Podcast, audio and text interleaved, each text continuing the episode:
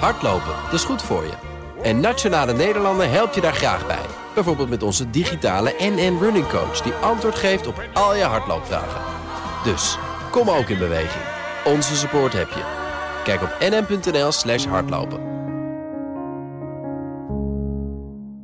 BNR Beurs wordt mede mogelijk gemaakt door Bridge Fund. Make money smile. BNR Nieuwsradio. BNR Beurs. Wesley Weert, Jelle Maasbach. Goed dat je weer naar ons luistert. Luistert naar het programma voor de slimme belegger. We zijn hier elke werkdag bij jou van half zeven tot zeven op BNR. Maar sowieso elke dag ook als podcast in je favoriete podcast app. Zeker. Jelle, ik moet wat opbiechten.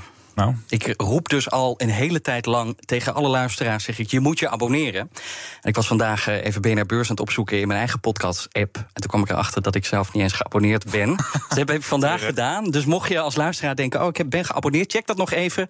En is dat niet het geval, doe dat dan meteen. Ja, heel goed. Wees geen Wesley. Precies. Het is de eerste dag van februari. Op de dag dat de AX 0,3% hoger sloot. Net onder de 748 punten. De aandelen die vandaag opvielen op het Damrak. Adyen en Signify ruim 4% erbij. En Philips won deze dag weer wel. En won 1,7%.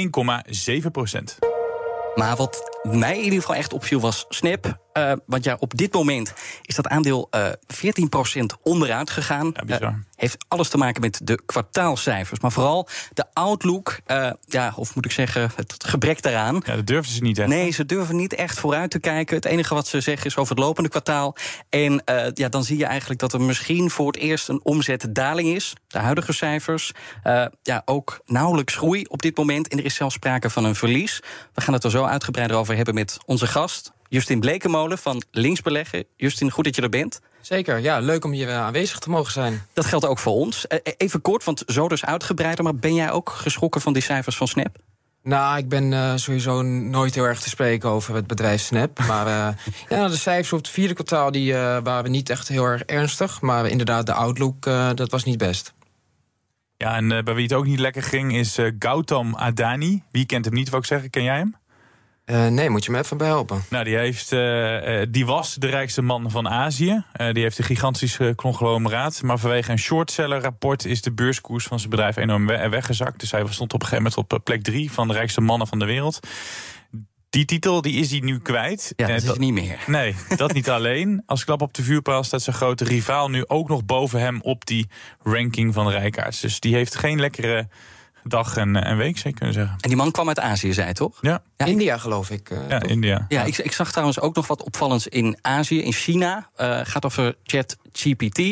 Die enorme gekte rondom uh, die chatbot. Want dat is nu ook in China geland. daar is een ja, legertje kleine beleggers die die Chinese AI-aandelen een enorme boost geven. Ik zag dat verschillende aandelen 60% hoger staan dan aan het begin van het Terwijl jaar. Ze, het is het moet zich nog gaan bewijzen. Het moet, ja, zeker. Het moet zich gaan bewijzen. En ook heel veel van die bedrijven die hebben al gezegd: nou ja, we maken nog heel veel verlies. We verwachten er op de korte termijn nog niet te veel van. Uh, maar die boodschap die hebben de beleggers dan even gemist, de, denk ik. Uh, ja, of ze nemen alvast uh, het aandeeltje voor, voor de lange termijn. Kan ja, natuurlijk ook. Dat was natuurlijk allemaal het verhaal van de dag. Was natuurlijk inflatie. Werd vanochtend wakker met een pushbericht dat die inflatie gedaald is. Nou, dat is goed nieuws.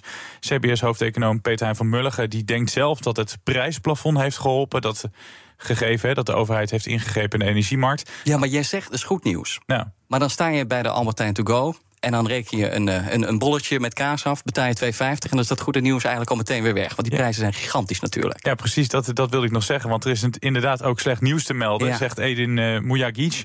Die voedselprijzen die stijgen. En dat uh, gaan we met z'n allen merken. Dat hoofdinflatiecijfer gaat zakken. Maar je gaat inflatie op meer gebieden tegenkomen. Wij hebben het ooit slow motion inflatie genoemd. Het gaat in steeds meer goederen zitten. Het gaat in steeds meer diensten zitten. Dat hoofdcijfer gaat omlaag dankzij de gunstige bijdrage uit de energiehoek. Maar uh, het slechte nieuws is, je merkt de inflatie nu op veel meer terreinen. Ja, ik ben net verhuisd, dus ik sta heel vaak in uh, een grote bouwmarkt. Ik zal de naam niet noemen, die ben ik aan het sponsoren. Maar dat is eenmalig. Maar ja, wat je wel echt altijd merkt, dat zijn helaas uh, die dure boodschappen.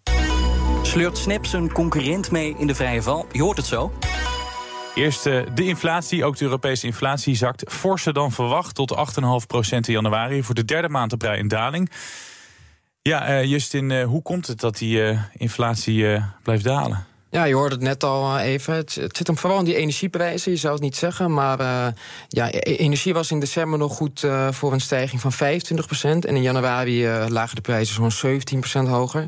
Inflatiecijfers natuurlijk een jaar op jaar muta mutatie. Mm -hmm. En dat ja, zag je natuurlijk ook al terug op de financiële markten. Brent olie noteerde ja, in januari ongeveer tussen de 80 en 90 dollar per vat. Nou, ongeveer hetzelfde niveau als een jaar geleden, dus januari 2022. Gasprijs is natuurlijk helemaal ingestort. Merk je ook nog niet op de energierekening. Dat uh, is nog niet volledig doorberekend. Maar die, ja, de, de gasprijs lag uh, in januari dit jaar 60% lager dan een jaar geleden. Ja, bizar. Het gaat hier elke dag bij BNR uh, over de inflatie. Is het bij linksbeleggen ook zo dat jullie het elke dag over dat grote thema hebben? Ja, is zeker een belangrijk onderwerp. En ook zeker, ik schrijf dagelijks een morning call voor beleggers. En ja. daar komt het inflatiewoord ja, bijna dagelijks wel voorbij. Je kan het bijna niet meer horen. Nee, je kan het niet meer horen, nee. Ja, anders dan normaal ontbreken de Duitse inflatiecijfers. Reden technische problemen. Uh, hoe moet je daar als belegger uh, mee omgaan? Is dat, is dat nog. Uh... Ja, het, het, is vrij opvallend, maar ja, ik maak me er niet al te grote zorgen over. Ik heb even gekeken naar die, naar die cijfers. Het Nederlandse inflatiecijfer die, lag op 8,4 procent. Mm -hmm. En eigenlijk het hele vorig jaar, elke maand, zaten de Duitsers daaronder. Dus was de inflatie iets lager. Nou, ze hebben gezegd 8,5 procent. Hebben ze berekend, een schatting gemaakt van de Duitse inflatiecijfers. Nou, als ze dan weer onder het Nederlandse inflatiecijfer liggen, ja, verwacht ik niet dat het inflatiecijfer veel hoger dan die 8,5 procent uitkomt. En wellicht uh, zelfs iets lager. Maar tegelijkertijd is wel de grootste uh, economie van Europa die even hier niet in de cijfers zit. Nee, zeker. Uh, dat is ook zo. Een, een derde van de Europese economie inderdaad is, de, is Duitsland goed voor. Maar ja, ze hebben wel een schatting proberen te maken. Dat doen ze natuurlijk ook aan de hand van producentenprijzen. Mm -hmm. nou, die, die vielen ook al iets terug. Dus ja, eigenlijk ja, maak ik me niet al te veel zorgen. Nee, dus en dit is ehm, ja, de week van de rentebesluiten. Die inflatie die daalt dus nu. Maar denk je dat dat voldoende is voor de ECB om de rente ook ja, met een kleinere stap te verhogen? Of heeft dit geen. Nee, dat, dat, dat denk ik echt uh, zeker van niet. Uh, de, Waarom niet? Nou, de kerninflatie die, die kwam ook nog boven de 5% uit. En ja, de ECB heeft natuurlijk als doelstelling dat die rond de 2% moet noteren. Mm -hmm. Dus ja, dan hebben ze nog wel even te gaan. En bovendien, ja, er ligt ook gewoon wel wat ruimte hè, om nog wat verder te, hogen, te verhogen. De ECB heeft, nou, heeft eigenlijk pas sinds afgelopen zomer de rente verhoogd. Staat nu op 2%, hè, het belangrijkste rentetarief, mm -hmm. de depositorente. En ja, de Fed verhoogt zometeen naar 4,5%. Nou, en, uh, ja, er ligt ook wel gewoon wat ruimte als je kijkt naar de economie. De werkloosheid in de eurozone is nog historisch laag, ja. 6,6 procent. Nou, dat geeft inderdaad ruimte. En, en die kerninflatie waar je het net over had, want dat is wel belangrijk om te noemen. Dat is dus uh, de inflatie zonder uh, bewegelijke dingen zonder als voedsel, voedsel en energieprijs. Ja. Hè? En, maar als je daarnaar kijkt, want we hadden het net over een daling. Maar pak je alleen die kerninflatie, 5 procent is dat ongeveer. Maar dat, dat blijft ongeveer gelijk. Daar zien we die daling helemaal niet. Nee, klopt. En dat, daar ligt ook wel een gevaar. Want dan zou je kunnen zeggen dat de andere prijzen, dus die niet zo bewegelijk zijn. Ja, dat noemen ze dan sticky zijn. Hè. Dus ja. die, die blijven dan misschien toch wel uh, hoog hangen. Maar er is ook wel wat goed nieuws. Want als je kijkt op maandbasis, dan zagen we de kerninflatie zelfs dalen met 0,8 procent. Dus ja, op maandbasis, de afgelopen maanden, zie je de prijzen wel iets zakken van de hoge niveaus. BNR Beurs.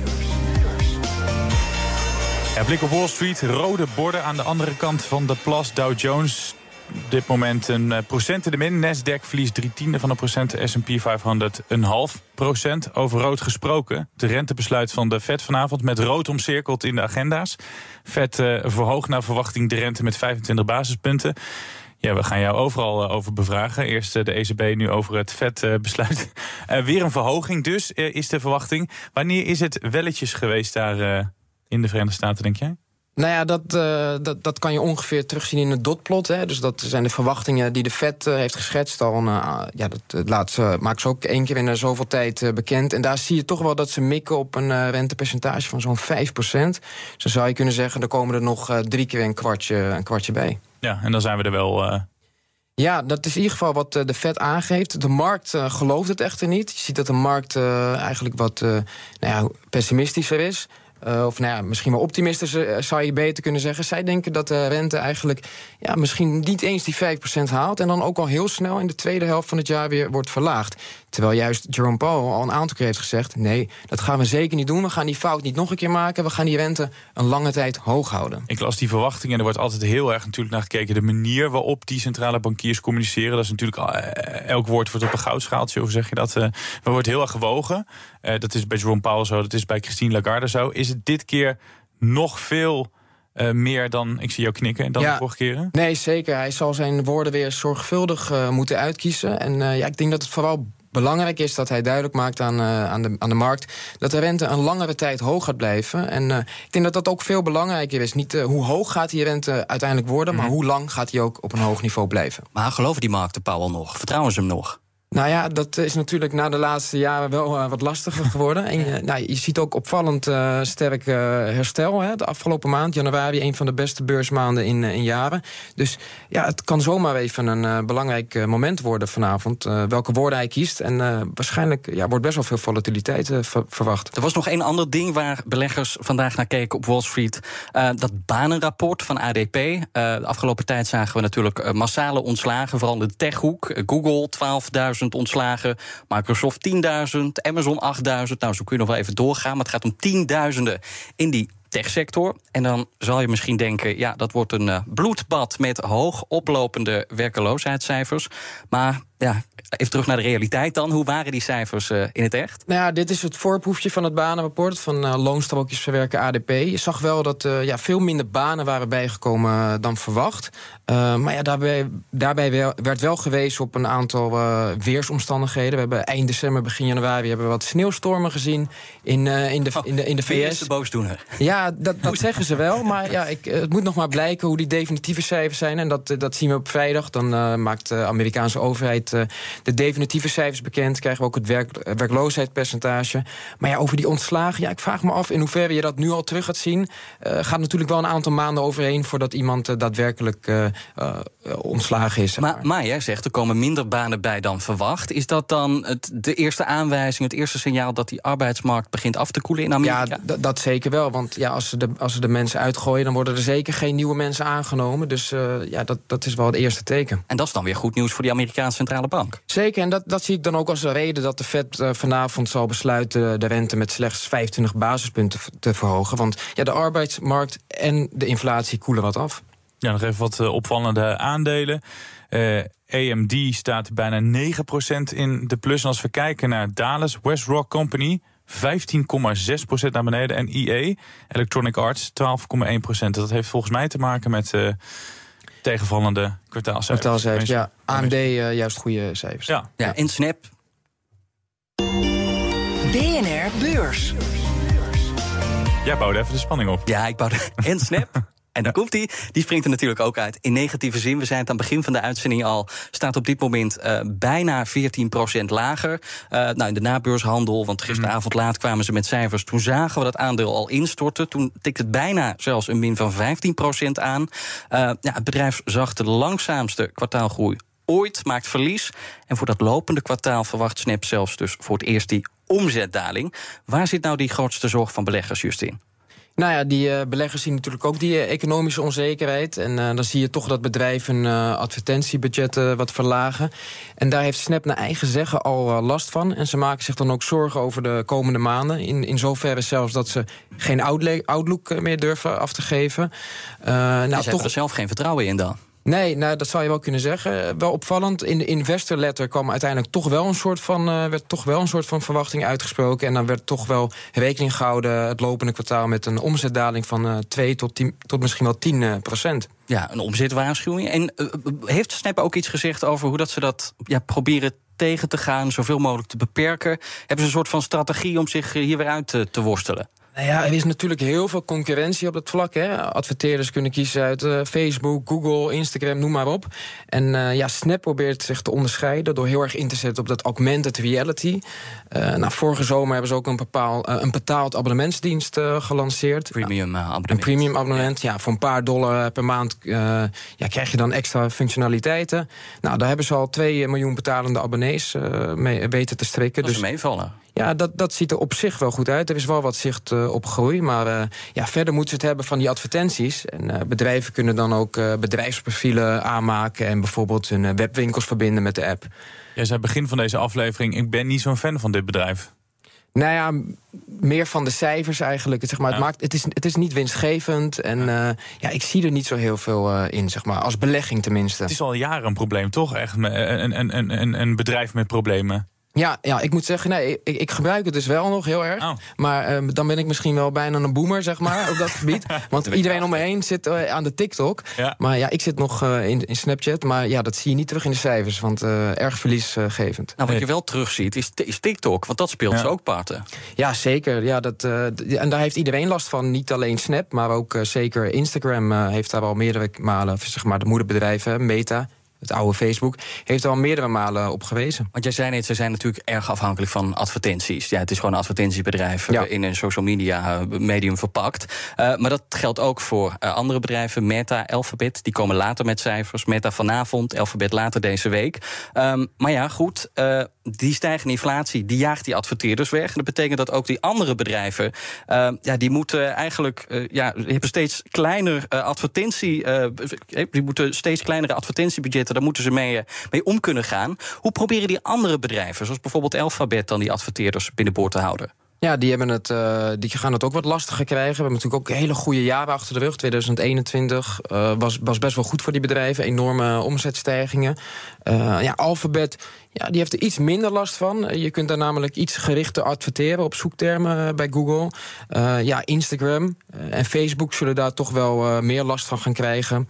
Ehm, en bovendien hebben, hebben die bedrijven ook last van die strenge regelgeving, uh, privacyregels die Apple heeft uh, ingevoerd. Ja. Uh, want ja, die heeft het voor, haar, voor de apps moeilijker gemaakt om doelgericht te adverteren en het succes van die advertentiecampagnes te meten. en daar heeft Facebook al behoorlijk last van gehad, ook het afgelopen jaar al. Ja, dan zag ik nog wel wat, wat grappigs. of nou ja, iets wat Alphabet in ieder geval probeert te doen. We hadden het net al over TikTok, hè, die ook flink aan de weg timmert. Um, alleen YouTube en Instagram. Uh, die hebben sinds kort ook allebei een soort van TikTok-rivaal. YouTube heeft uh, Shorts, Instagram Reels. En uh, volgens mij sinds vandaag probeert YouTube de makers van die korte filmpjes, want dat zijn het, weg te kapen bij bijvoorbeeld TikTok door ze een hogere vergoeding te geven. Want ja, zonder content geen nieuwe gebruikers. Gaat dat helpen, denk je? Ja, dat hadden ze volgens mij een paar maanden geleden al aangekondigd. Ja, uh, vandaag, vandaag dus in. ingegaan. Ja. Oké, nou ja, dat, uh, op korte termijn denk ik dat het lastig gaat worden. Je ziet toch wel dat mensen gehecht zijn aan zo'n medium. Mensen zijn misschien wel zelfs verslaafd hè, aan, uh, aan TikTok. Maar ja, als die vergoeding hoog genoeg is... en nou ja, op zich alfabet, hè, Google kan best wel diep in de buidel tasten... ja, dan kan je mogelijk wel wat contentmakers uh, over de streep trekken. En dan, uh, ja, dan, dan ligt daar wel ruimte. Maar voorlopig denk ik wel dat het uh, lastig gaat worden... als je bijvoorbeeld YouTube Shorts gaat vergelijken met een TikTok. Ja, het is niet zo eenvoudig om zo'n YouTube Short even door te sturen naar een paar vrienden. Terwijl daar juist de succesformule ligt van apps als TikTok en Instagram. Ja, je zegt terecht, ze hebben diepe zakken. Je moet toch wel heel veel geld weer gaan uitgeven aan die contentmakers. Dat zijn degenen die, die als enige lijkt me de geld aan gaan verdienen in het begin, of niet? Ja, dat, dat denk ik ook. Dat uh, in het begin uh, moet, moet, dat, moet er geïnvesteerd worden en dan moet dat later uh, zijn vruchten gaan afwerpen. is ook iets waar beleggers naar kijken. Want de afgelopen ja, maanden zijn we erachter gekomen dat het elke mhm. keer om die kosten gaat. Daar wordt nu extra op gelet. En als je dan weer bakken met geld uit gaat geven aan leuke meisjes en jongens die, die filmpjes gaan maken, even ja. gezegd. Ja, dat, uh, ja, maar Google heeft natuurlijk ook een hele hoop eh, personeel op straat gezet. Dus uh, kunnen ze daar weer van investeren. hebben ze op deze manier zijn geld gekomen. Hoe goed slaagt Alphabet, dus de eigenaar van YouTube, erin om gebruikers naar hun platform te lokken? Doen ze dat voldoende, vind jij? Nou ja, als je kijkt met, met Google hebben ze natuurlijk een uh, bijna monopolie te pakken. Maar als je kijkt uh, naar YouTube, ja, is dat toch wel uh, lastig gebleken. Ze hebben natuurlijk dat al best wel lang geleden toen gekocht. En dat is pas sinds, sinds een aantal jaren levert dat ook geld op. nou, ook pas sinds 1, 2 jaar kan je natuurlijk ook een abonnement nemen op dat YouTube. Maar ja, die exacte cijfers, hoeveel mensen dan een abonnement hebben op YouTube, dat maken ze niet bekend. Nog even één ding over Snap, voordat we naar het volgende onderwerp gaan. Even Spiegel, die CEO, die heeft gezegd... Uh, ik kom uiteindelijk met nieuws. Ik doe een onderzoek waar het bedrijf naartoe moet. Eind van de maand weten jullie meer. Wat vind je daarvan? Dat hij even de tijd uh, ervoor neemt? Ja, nou ja, dan laat je beleggers in ieder geval uh, in, in, gewissen. Dus zeg maar, dat, ik denk dat dat voor de koers niet uh, heel erg uh, lekker is. Maar, nee, ja. dat blijkt. Ja, ik, ik, ik ben benieuwd. Min 13 nu. Het een na het andere bedrijf smijt met geld om aan personeel te komen. Meer salaris, meer vakantiedagen, meer tijd voor extraatjes. Allemaal meer. Hebben wij hier niet uh, gemerkt bij BNR? Nee, maar, nou, we kregen wel een mail. We kregen er wat extra's bij okay, dit jaar. Een beloning. Uh, Intel doet het helemaal anders. Daar moeten managers tot wel 15% van hun salaris inleveren. En de topman zelfs een kwart komt omdat uh, de concurrentie voor Intel te stevig is. De vraag naar PC's te mager. Gevolg winst weggevaagd en de reserves uh, aangevreten. Dus de mensen bovenaan die moeten geld inleveren. Ja. Dus pas maar op, Jelle. Want jij uh, bent hier natuurlijk ook heel belangrijk. Straks moet je ook nog loon inleveren. En wat vind jij van deze stap? Nou ja, ik, ik, ik, ik vind dat het een goed voorbeeld. Nou, hij heeft natuurlijk misschien het idee een beetje gestolen van Apple. Apple de CEO van Apple heeft ook al wat uh, ingeleverd. ingeleverd. Uh, nou, we hebben natuurlijk veel massa-ontslagen gezien uh, bij Big Tech, maar ook andere bedrijven. Maar ja, het salaris verlagen en het talent in huishouden, ja, dat kan het alleen maar aanmoedigen.